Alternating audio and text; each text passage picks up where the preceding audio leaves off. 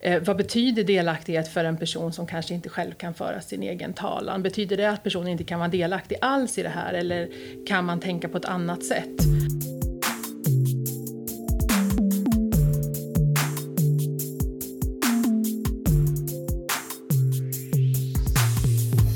Hej och välkommen till det 45 avsnittet av FoU-podden. Det här avsnittet kommer att handla om SIP, delaktighet och kognitiv funktionsnedsättning.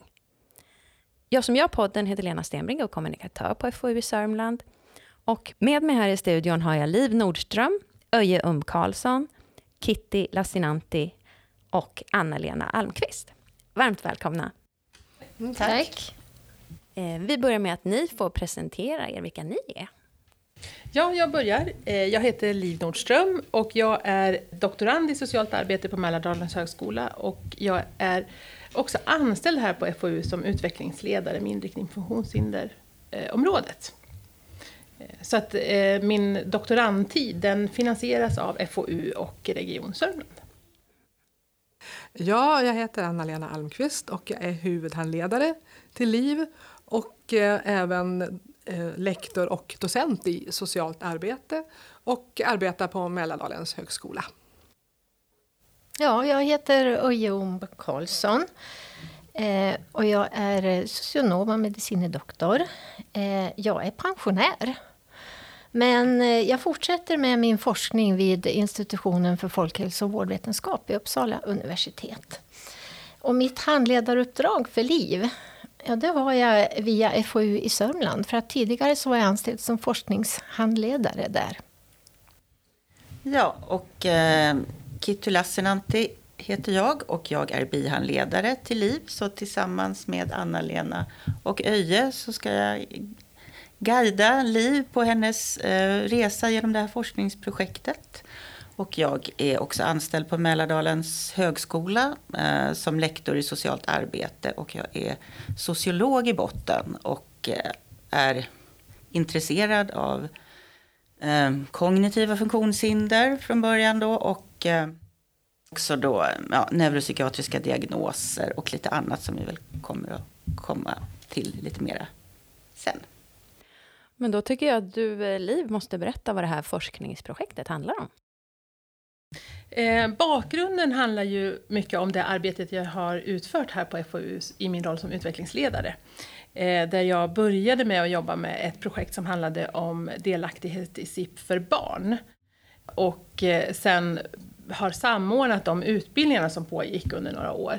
Ehm, och jag blev väldigt intresserad av eh, SIP som fenomen och eh, särskilt då med mitt Eh, intresse för funktionsnedsättningar och då kognitiva funktionsnedsättningar som Eh, påverkar en persons förmåga att helt enkelt vara med och bestämma själv över sitt liv.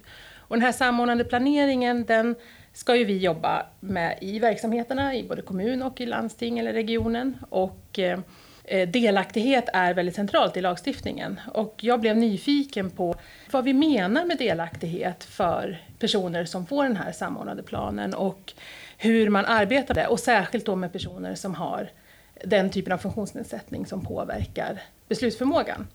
Ehm, så att jag har ju valt att eh, skriva en forskningsplan som handlar om kognitiv funktionsnedsättning men framförallt riktat in mig då på personer som har intellektuella funktionsnedsättningar och eller autism. Det är den gruppen jag är mest intresserad av. Och själva studien är upplagd då som fyra delstudier där jag då tittar på eh, fenomenet delaktighet i en samordnad planering ur tre olika perspektiv. Så det är dels ur individernas egna perspektiv, vad har de för tankar kring det här och vad har de för erfarenheter? Eh, men också då ur anhörigas perspektiv. Anhöriga blir ofta en väldigt viktig part kring de här personerna.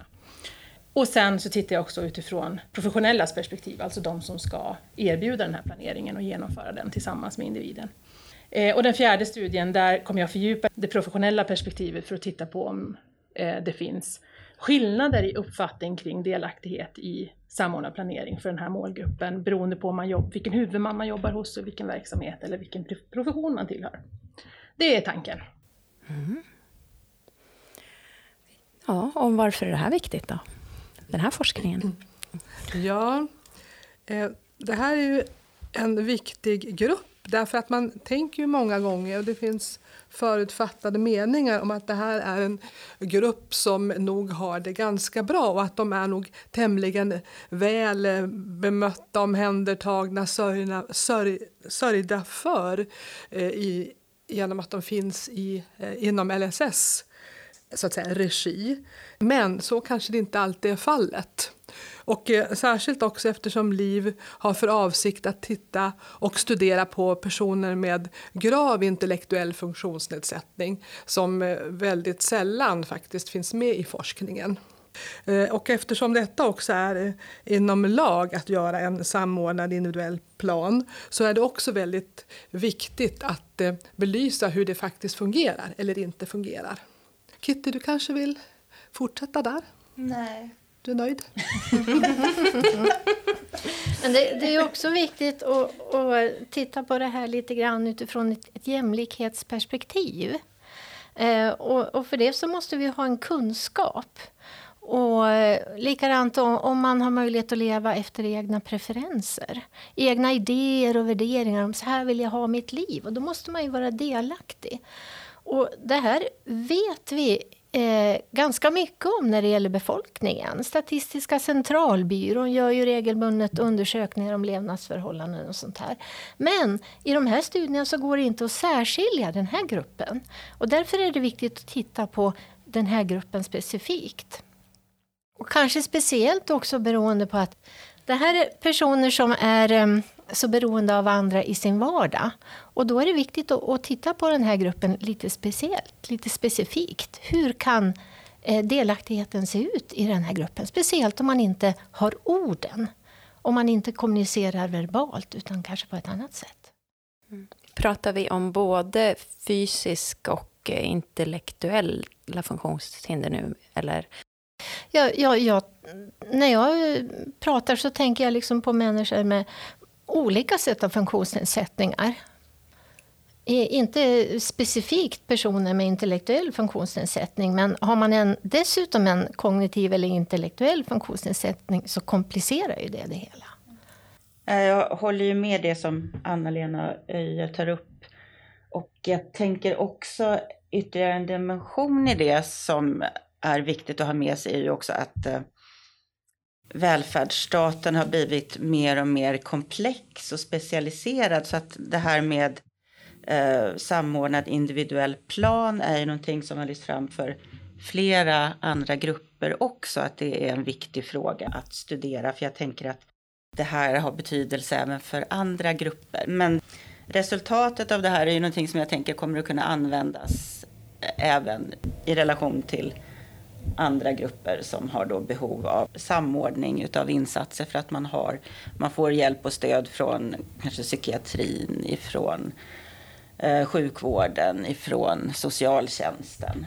Så den delen av din forskning, Liv, tänker jag blir väldigt intressant också. Inte bara det som rör den här gruppen specifikt utan också ett lite vidare perspektiv också för andra grupper Eh, som har kontakt med många aktörer, många olika välfärdsstatsaktörer. Mm. Alltså just, eh, jag är ju väldigt intresserad av den här gruppen men också då den här samverkanskontexten som det blir när man gör en samordnad individuell planering. Det här att man möts över verksamhetsgränser och eh, vi, det finns en hel del kunskap om samverkan, att det finns många hinder för samverkan. Att man många gånger kanske möts med lite olika perspektiv och med lite olika utgångspunkter och faktiskt kanske inte ens menar samma saker när man träffas. Och att då i det sammanhanget, i den kontexten, jobba för att individen ska bli delaktig försvårar det. Mm. Och det är därför jag, jag, tycker att det här är väldigt spännande. Eh, kommer den här forskningen kunna komma till nytta för kommunerna och regionens verksamhet? Ja, Eh, det tänker jag ju såklart. Det, det har ju varit liksom bakgrunden till mitt intresse. Det är ju att Ehm, när jag har träffat medarbetare från eh, region och från kommunerna i de här SIP-utbildningarna så har det ju ibland kommit upp mycket frågor om det här med delaktighet och hur, hur gör man då? Och eh, vad betyder delaktighet för en person som kanske inte själv kan föra sin egen talan? Betyder det att personen inte kan vara delaktig alls i det här eller kan man tänka på ett annat sätt? Den typen av, av frågeställningar tror jag många medarbetare brottas med. Um, hur ska man tänka när lagen faktiskt ställer krav på mig som medarbetare i de här verksamheterna att jobba för delaktighet? Uh, jag måste göra det, men jag vet inte riktigt hur och jag vet inte vad som menas med delaktighet. Och då tänker jag att de här studierna som jag tittar på nu, det, eller håller på med, det kommer att bidra med perspektiv och lite tankar kring vad delaktighet kan vara för den här gruppen som kanske inte själv kan föra sin egen talan, eller som kan göra det med stöd. Och att man kanske i slutändan kan använda den kunskapen för att också fundera på olika tekniker och redskap för att jobba eh, med delaktighet för, för den här gruppen. Och också kanske att öka delaktighet. Finns det redan nu några bra verktyg eller tips eller någonting för att faktiskt kunna öka den här delaktigheten? Det, det, finns ju olika alternativa och kompletterande kommunikation till exempel. Man kan använda bildstöd och man kan använda olika eh, samtalstekniker. Man kan tänka på att använda enkla ord och så vidare. Eh, men det jag har sett hittills i det, det jag har intervjuat lite folk så, så används det väldigt sällan. Eh, man, man anpassar inte de här mötena särskilt mycket efter individens förmåga. Eh, utan det jag har sett hittills i alla fall. Kan det vara för att det saknas kunskap om det? Eh, ja, delvis, delvis det, men också att den här formen av planering, det ställer så höga krav på att samverkan fungerar, så man blir fast kanske mycket i de här samverkansformerna. Att man tycker att det är svårt att, att möta andra verksamheter som kanske kommer med ett helt annat perspektiv och att man kanske till och med eh, fastnar i en konflikt med en annan verksamhet. Och att det, fokus hamnar där och kanske inte så mycket på hur ska vi få individen att, att kunna delta på, på mer jämlika villkor som vi andra. Så det är många olika dimensioner i, i liksom svårigheterna. Jag tänker också att det här liksom, en viktig del i det projektet du gör, Liv, är ju också ett medvetandegörande i personalgruppen. Eller vad tänker du? Jo, precis. Att det, ibland så kanske man inte ens har reflekterat över eh, vad delaktighet kan vara och hur man skulle kunna göra. Utan man har helt enkelt mm. tänkt att eh, det här är en grupp jag jobbar med, de kan inte vara delaktiga. Och så har man släppt det där. På något sätt så hänger ju det här ihop också med effektivt resursutnyttjande och evidensbaserad praktik som många kommuner och regioner försöker att införa. Det ligger ju i linje med det. Mm. För jag tänker det handlar mycket om utbildning. För menar, det har ju du arbetat med eh, tidigare i liv och eh, av utbildning av professionella Eh, och sen, för du har ju också redan nu sett att man kanske jobbar lite utifrån SIP men man kallar det någonting annat och det är inte riktigt de aktörerna med så det är ju viktigt att få fram kunskap om det. Så. Eh, och sen så handlar det också om hela organisationen, kanske hur man arbetar inom organisationen. Att den kunskapen kan ju din avhandling sen få fram genom att studera både brukare, anhöriga och de professionella. Mm. Jag håller på med datainsamling för eh, några av de här delstudierna men är inte klar än. Men i mitt sökande efter informanter så har jag också fått kunskaper, bland annat att den här gruppen som Anna-Lena nämnde med grav intellektuell funktionsnedsättning och som jag kanske tänker ofta har ganska komplexa behov och behöver mycket stöd de verkar inte få SIP i lika hög grad som andra utan man tänker att de behöver inte det för att de har kanske en sjuksköterska på, sin, på sitt gruppboende som sköter de kontakterna som behövs och så vidare. Så det har väckt lite sådana frågor hos mig också. Vart kommer delaktigheten in då om man inte jobbar systematiskt med att planera enligt en lag som ställer krav på delaktighet? Eh, så det, det kommer mycket så, den typen av kunskap också som man kan använda sig av och ha nytta av i, i en fortsatt diskussion kring samordning och planering och delaktighet. Och om man tänker sig ändå på eh, de anhöriga och personerna med de här funktionsnedsättningarna, på vilka eller vilket sätt skulle det kunna gynna dem, det här som du kommer fram till med din forskning? Jag tänker att det här synliggörandet blir väldigt centralt. Ehm, att eh, de personer med egna funktionsnedsättningar och anhöriga som jag då redan har intervjuat har ju också uttryckt det här att, att bli hörd. Att eh, jag kommer att lyssna på dem och ta del av deras erfarenheter och att deras erfarenheter kommer att kunna användas senare. Jag tror att när man känner igen sig i till exempel ett forskningsresultat, om man själv känner igen sig, att ja, men det där känner jag igen, det där har jag varit med om, då stärker det ens egna känslor eh, och ens egna upplevelser och erfarenheter, att det, det, finns något viktigt i det här. Och att det kan höja kunskapen också hos de som har de här funktionsnedsättningarna och deras anhöriga. Stärka dem som grupp. Liksom.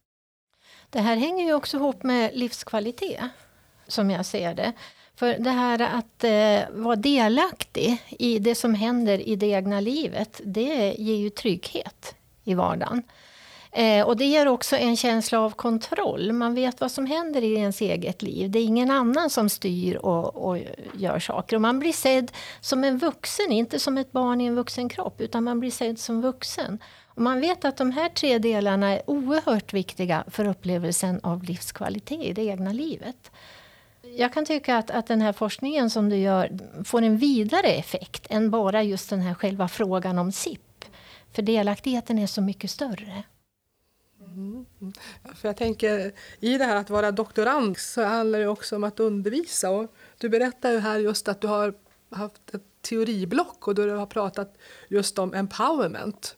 Och det är ju verkligen någonting som den här forskningen kan bidra med. Alltså att, att man får en egen makt och att det handlar inte bara om delaktighet utan att den här gruppen ska ges en större makt eller överhuvudtaget någon makt över den här delen av sitt liv. Att kunna bestämma olika saker i sin vardag som just Öje pratade om.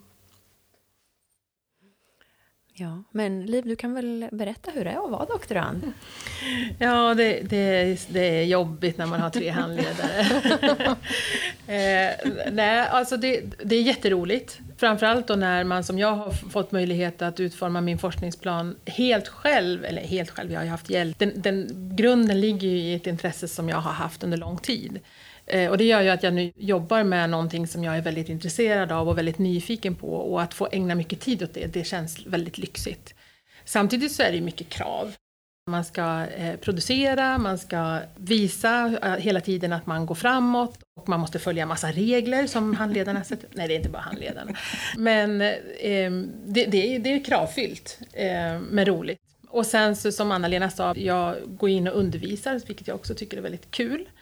Ehm, och just nu då så, är jag inne i en period där jag samlar data. Eh, och det gör jag just nu via intervjuer. Och det är ju väldigt spännande att få träffa de här personerna oavsett om det är en person med egen funktionsnedsättning, en anhörig eller en professionell som jobbar med SIP.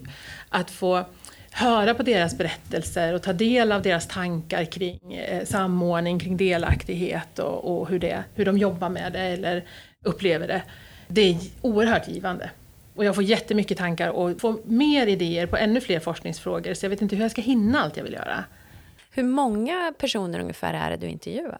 För den studien som jag har kommit längst med det är ju den som där jag intervjuar professionella. Där har jag nu intervjuat 17 personer och jag hoppas kunna få kanske ett par till. Eh, sen har jag nog så att det räcker. Eh, de andra två studierna där jag intervjuar anhöriga och personer med egen funktionsnedsättning kommer jag intervjua ungefär 10 av varje. Ehm, det, det, blir ganska långa intervjuer och det är ganska mycket erfarenheter som de delar med sig av. Det behövs inte så mycket mer för att kunna få ut mycket av det. Och sen kom ju covid-19 också. Ja, så kom ju covid-19, just det.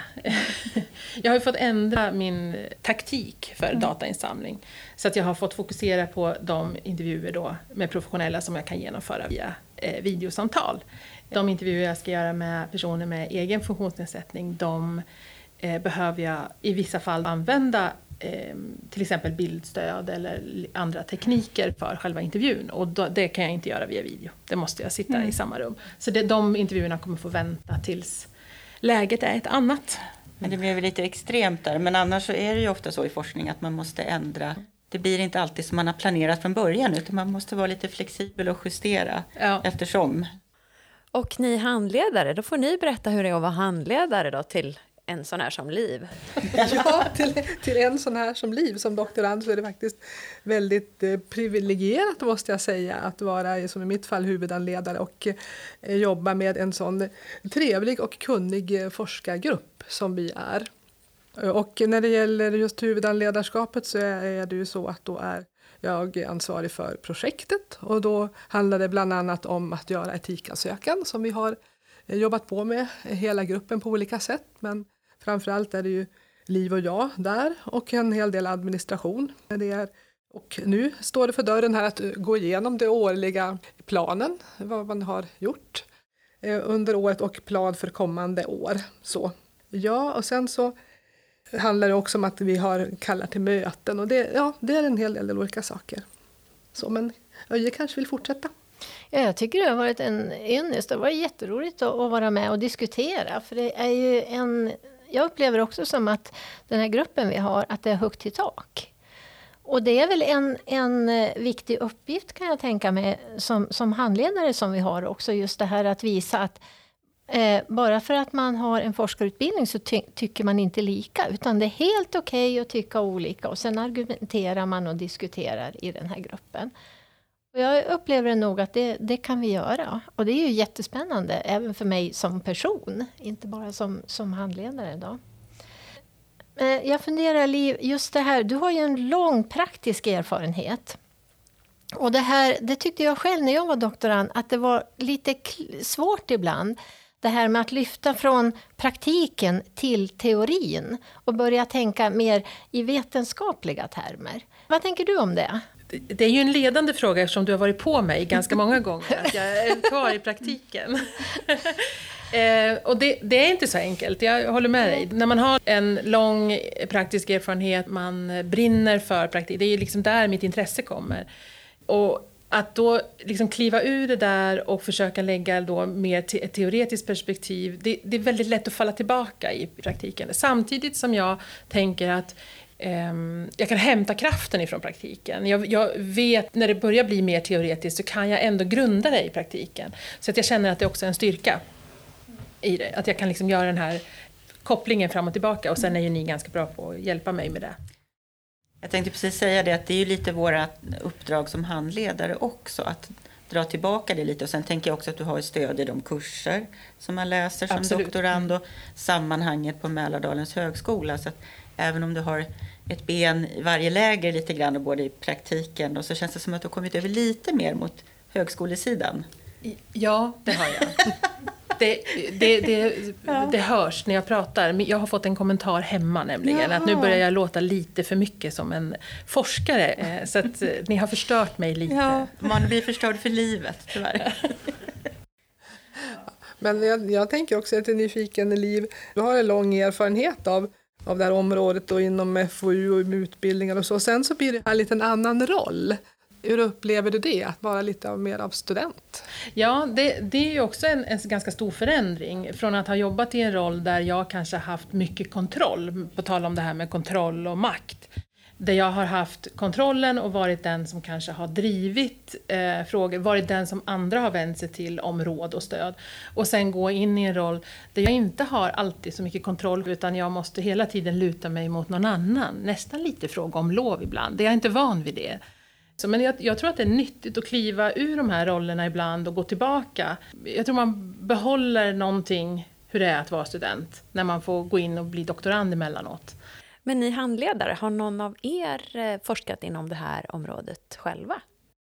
Mm, ja, jag har jobbat tillsammans med Kitty eh, nu senast. Vi håller på och skriver just nu ett artikelmanus faktiskt om om unga som behöver stöd från socialtjänst och psykiatri som har neuropsykiatriska funktionsnedsättningar.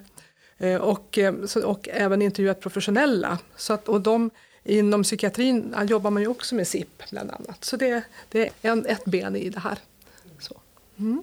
Jag tänker, du har mycket Öje, erfarenhet ja. inom just det här området med intellektuella funktionshinder. Ja, det har jag. Ja. Eh, inte SIP.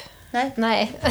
Men delaktighet och livskvalitet och levnadsförhållanden, det är ju det som jag har forskat omkring. Ja, i 15 år ungefär, lite drygt. Så att jag har ju viss erfarenhet av det. Och då känns det ju kanske lite extra roligt att få vara med om det här och se en utveckling av det. Precis, och eh, jag har inte varit exakt i det här som Liv håller på med, men det är ju ofta så att man kan ha angränsande erfarenheter som kan berika. Och sen så har jag ju tidigare då intresse av kognitiva funktionsvariationer eller neuropsykiatriska diagnoser som också tangerar ditt område. Men det är ju inte exakt det du håller på med. Men eh, liknande frågor. Mm. Och eh, det här också med, med makt och eh, relationen mellan klienter och socialtjänst eller mellan brukare och, och, personal eller vad vi nu ska kalla det. Det är svårt det där med benämningar. Jag, jag, tänker också som den hjälpen och stödet jag har av er som handledare är ju också i metodfrågor. Så även om eh, ni inte har hållit på med exakt samma forskningsområde. Jag, jag tänker att det kanske inte är det bästa att vara handledare för ett projekt som är exakt det man har hållit på med hela livet. Mm. Utan att det blir en, eh, en mix av er samlade kompetens tillsammans med den metodkunskap ni har som jag har mest nytta av egentligen. Sen kan ju jag mitt område mm. bäst. Mm. Ja, precis, det är väl det jag tänker också som Öje var inne på också. Det här med som jag tycker är teamarbetet mm. som vi fyra gör mm. tillsammans. Mm. Så. Och där du naturligtvis får dra det största lasset. Mm. men, men, att vi förhoppningsvis kan hjälpas, åt, hjälpas åt med det som vi kan göra. Mm, jag tänker också att vi bidrar med lite olika kompetenser i projektet och det gör ju att förhoppningsvis att du får mest ut av oss på det sättet än att vi var, var liksom hade samma expertis alla tre handledare. För det handlar ju också om skrivprocessen och där du har väldigt mycket, och jag också, ni har mycket erfarenhet av hur man publicerar sig och hur man skriver artiklar och så. Så det, är ju, det är mycket annat också som mm. kommer med i den i potten. Så de är jobbiga men de är också väldigt nyttiga. Bra sammanfattning där. Men hur långt har du kommit? När, när får vi se några resultat av den här forskningen? Ja, eh, som jag sa så eh, håller jag på med datainsamlingen och jag är ju, går ju forskarutbildning på halvtid vilket gör att hela min eh, doktorandtid är sammanlagt åtta år. Så det är väldigt långt tidsperspektiv och jag har hållit på i två år nu. Men den studien som jag då har kommit längst med det är den som tar de professionellas perspektiv på eh, delaktighet i SIP för den här målgruppen. Där hoppas jag på en artikel nästa år, i början på nästa år. Att vi ska kunna eh, ha någonting klart och förhoppningsvis att det är någon tidskrift som vill publicera den. Då. Eh, sen de andra två studierna kommer jag fortsätta samla data och eh, förhoppningsvis att det kommer här vartefter eh, resultat från de här olika delstudierna. Men hela avhandlingen kommer då inte vara klar förrän 2026. Om man nu vill veta något mer om eh, SIP SIP eller eh, forskning kring SIP eller kanske någonting om de saker ni har forskat om innan. Var Har ni några tips? Vart ska man vända sig? Kan vi länka till allting? Eller? Eh, det finns ju lite information på MDHs hemsida om SIP, då eh, rekommenderar jag då för praktiken att titta på Socialstyrelsen och SKRs hemsida. Men också FoUs hemsida såklart, för det finns mycket samlat där. När det gäller forskningen, alltså mitt projekt eh, finns det inte så mycket skrivet om. Det finns en presentation på FoUs hemsida, det finns en på MDHs hemsida. Eh, och vill man veta mer så får man kontakta mig. Och Öjes forskning, Ja, den finns ju delvis tillgänglig för alla som är knutna till en högskola eller universitet då, och kommer in i de databaserna. Men sen eh, är det ju en hel del som är tillgängligt eh, även i det som kallas open access, eh, som alla kan ta del av. Det mesta är ju skrivet på engelska, för det är ju så, för att man ska få eh, medel till att forska så måste man publicera sig internationellt och då måste man skriva på engelska det är nackdelen. Men det finns, är, är någon intresserad av just det här så kan ni kontakta mig.